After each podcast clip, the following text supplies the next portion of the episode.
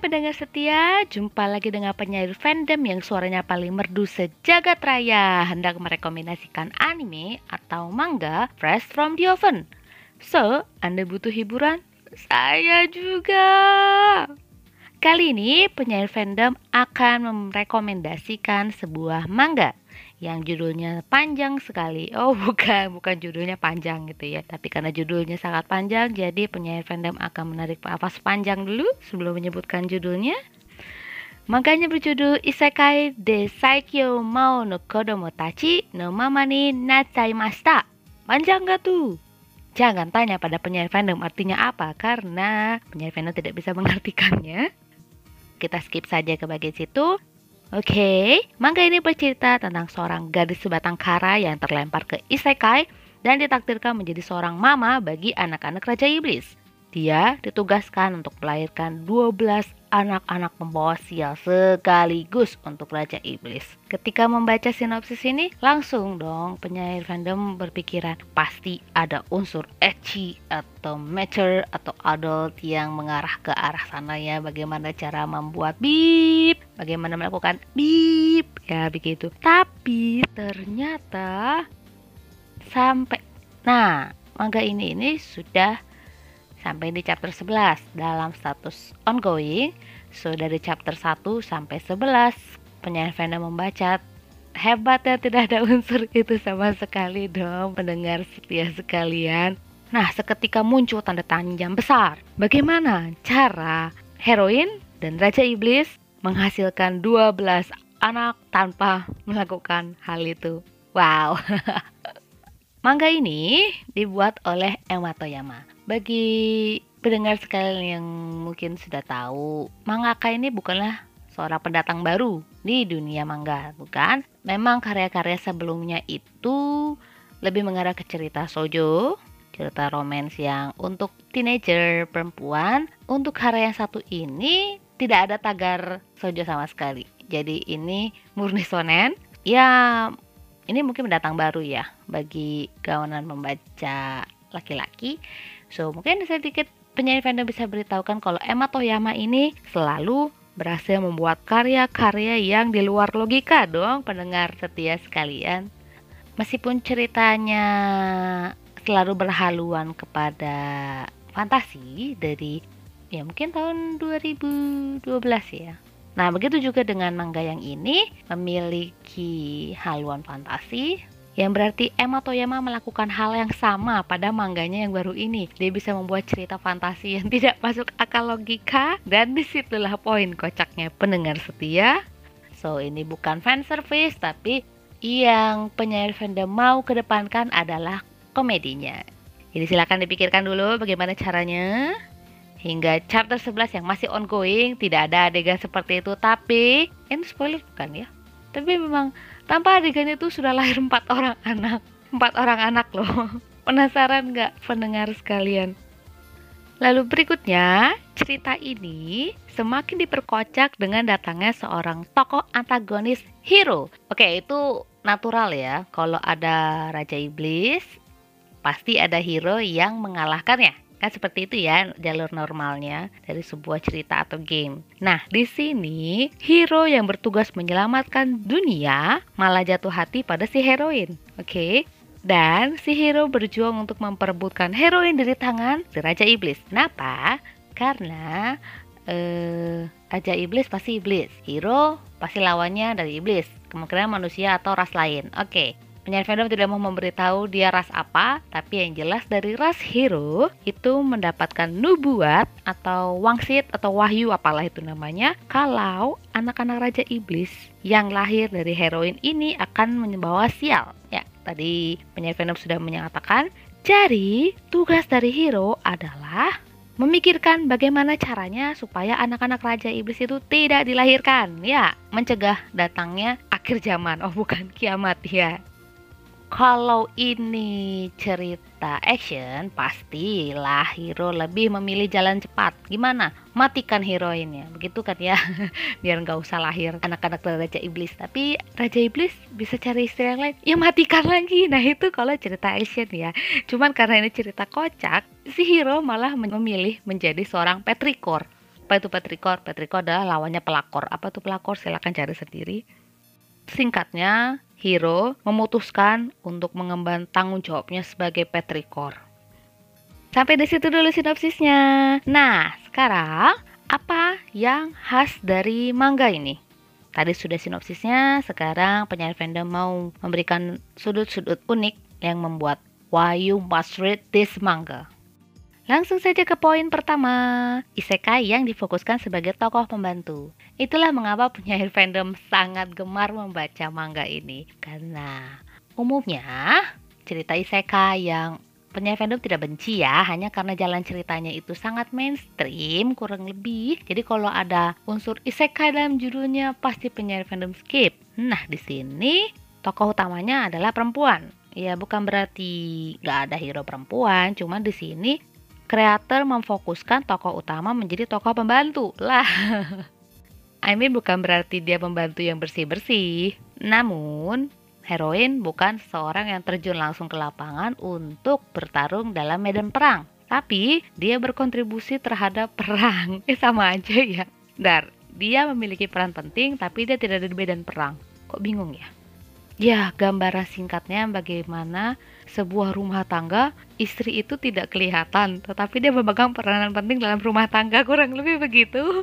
Tapi tolong ini jangan disamakan dengan rumah tangga, pendengar sekalian. Oke, poin kedua. Karakter heroin dalam manga ini adalah seorang gadis SMA yang cita-citanya sudah tercapai dari episode pertama.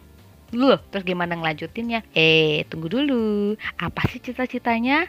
Kita kembalikan ke sejarah awal. Heroin adalah seorang sebatang kara. Begitu kan ya tadi penyair fandom bilang. Karena dia sendirian, dia ingin punya masa depan di mana dia gak sendirian. Dia ingin ada sebuah keluarga yang hangat, di mana setiap dia pulang sekolah ada yang menyambutnya. Ya sebagaimana ya kayak disambut ya sama mamanya. Udah makan siang belum? Ya mungkin gitu ya. Nah itu cita-cita simple dari tokoh heroin kita. Jadi ketika dia berdoa untuk menyampaikan cita-citanya, cita-citanya langsung tersampaikan. Makanya dia terlempar ke isekai dan mengembang tugas menjadi seorang mama. Yang otomatis dialah yang memegang peranan untuk membuat rumahnya menjadi tidak sepi lagi. Begitu ya seorang mama. Oke, poin ketiga yang unik dari Maga ini adalah hero-nya. Kembali lagi ke hero-nya. Dia seorang tokoh antagonis yang sedikit kurang waras pendengar sekalian. Strategi hero untuk mendapatkan si heroin alias sebagai petrikor, yakni melakukan pendekatan ke anak-anak heroin. Lalu pusing gak sih? Anaknya udah empat gitu.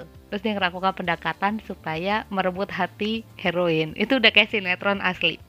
Tapi itulah yang terjadi dalam manga ini itu kocaknya dia melakukan pendekatan kepada bayi-bayi raja iblis yang seharusnya jadi lawannya demi mendapatkan hati si heroin.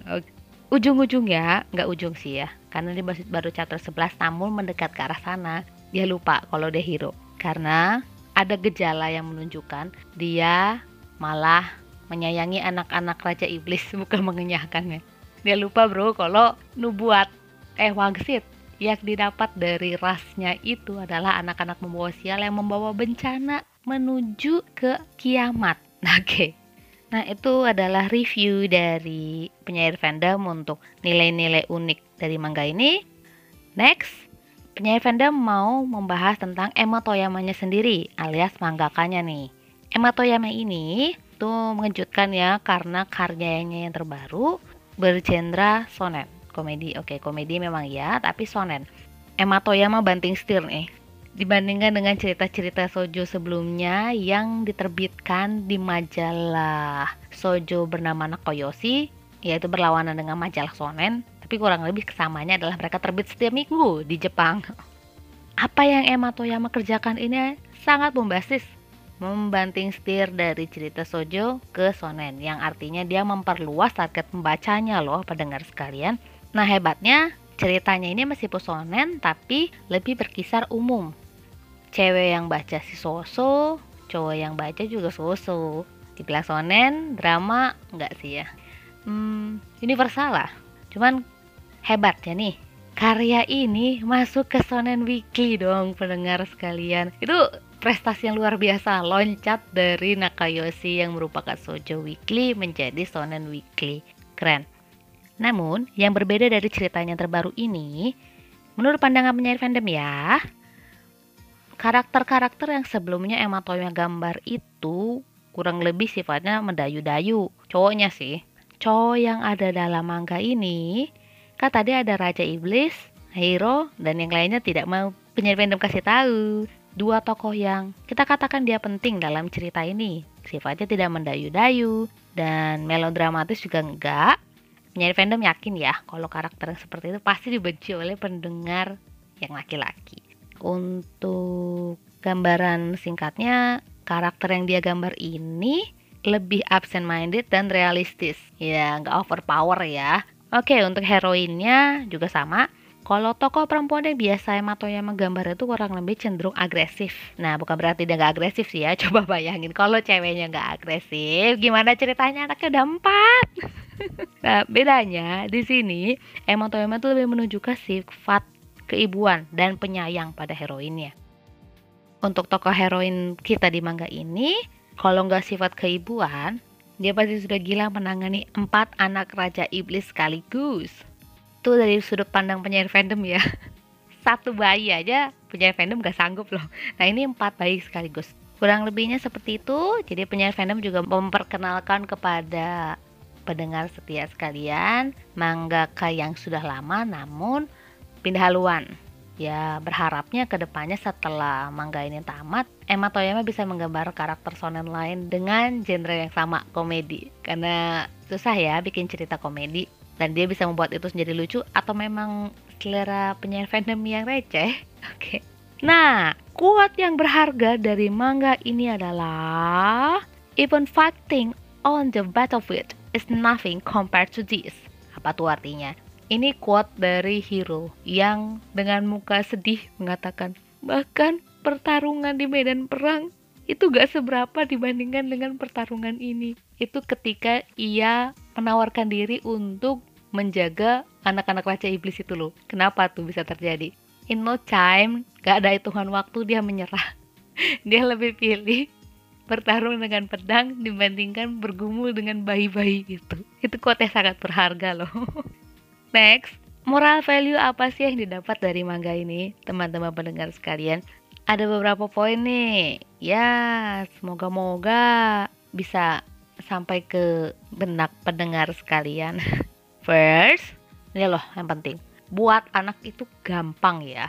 Gampang. Yang susah itu proses mendidik dan merawatnya. Ya, bikin gampang, melihara susah. Apalagi mengarahkan ke jalan yang benar. Karena panjang berapa tahun penyair fandom hidup ya, kasih makan tuh gampang, semua juga bisa. Seperti ini salah satu scene di mangganya heroin itu frustasi karena dia dianggap sebagai gudang susu gampang kan ya ngasih makannya masalahnya dia kesulitan untuk merawat ya membesarkan dan mendidiknya di sini Emma Toyama menghidangkan cerita penderitaan dalam membesarkan anak. Ada sudut pandang penderitaan seorang ibu sebagai gudang susu dan penderitaan seorang bapak rumah tangga. Poin kedua, harga diri memegang peranan penting dalam rumah tangga. Dia jadi mikir ya ini mangga kayaknya serius banget ya. Padahal enggak loh. Emma Toyama tuh bisa mengemas cerita kocak ini untuk bahan perenungan buat pendengar sekalian nah balik lagi ke poin harga diri. Semua manusia punya ego. Benar? Baik istri. Ini bagi yang sudah menikah mungkin langsung paham lah. Tapi bagi yang belum ini persiapan. Nah ego istri yang lelah mengurus rumah tangga kemudian ego suami yang capek bekerja di situlah akan ada bentrok. Namun harus ingat kalau masing-masing punya peran ya. Ingat kalau anak itu tanggung jawab bersama, oke? Jangan mau bikinnya doang. Itu anak bersama, bukan anak istri lo doang, oke? Okay? Jadi rawatlah anak itu bersama-sama. Poin ketiga, naluri seorang anak itu cenderung lebih nyambung ke ibunya. Ini terbukti ya dari mangganya ada, dan mungkin dari diri kalian sendiri. Wah, penyair mah tidak tahu itu urusan pribadi. Namun dari cerita ini, ini masih bayi ya, anak-anak ini masih bayi. Tapi mereka tuh suruh punya naluri mana ibunya.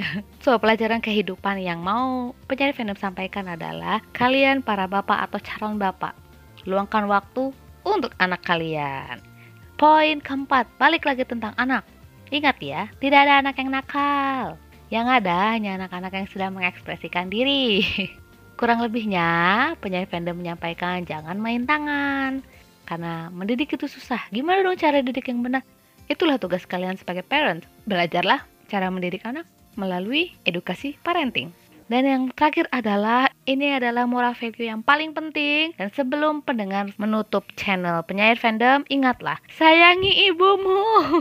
Dijamin kalian semua pendengar setia yang sudah membaca ini akan langsung setuju dengan penyair fandom. Oke, itu saja. Ups, sebelum tutup ada review kembali. Ini rate bagus loh mangganya 4,7 dari 5. Jadi komedinya itu enggak secara subjektif penyair fandom bilang, tapi memang secara objektif bagus. Silahkan dibaca ya. Nah, Anda butuh hiburan? Jangan lupa cari penyair fandom. Tunggu update selanjutnya.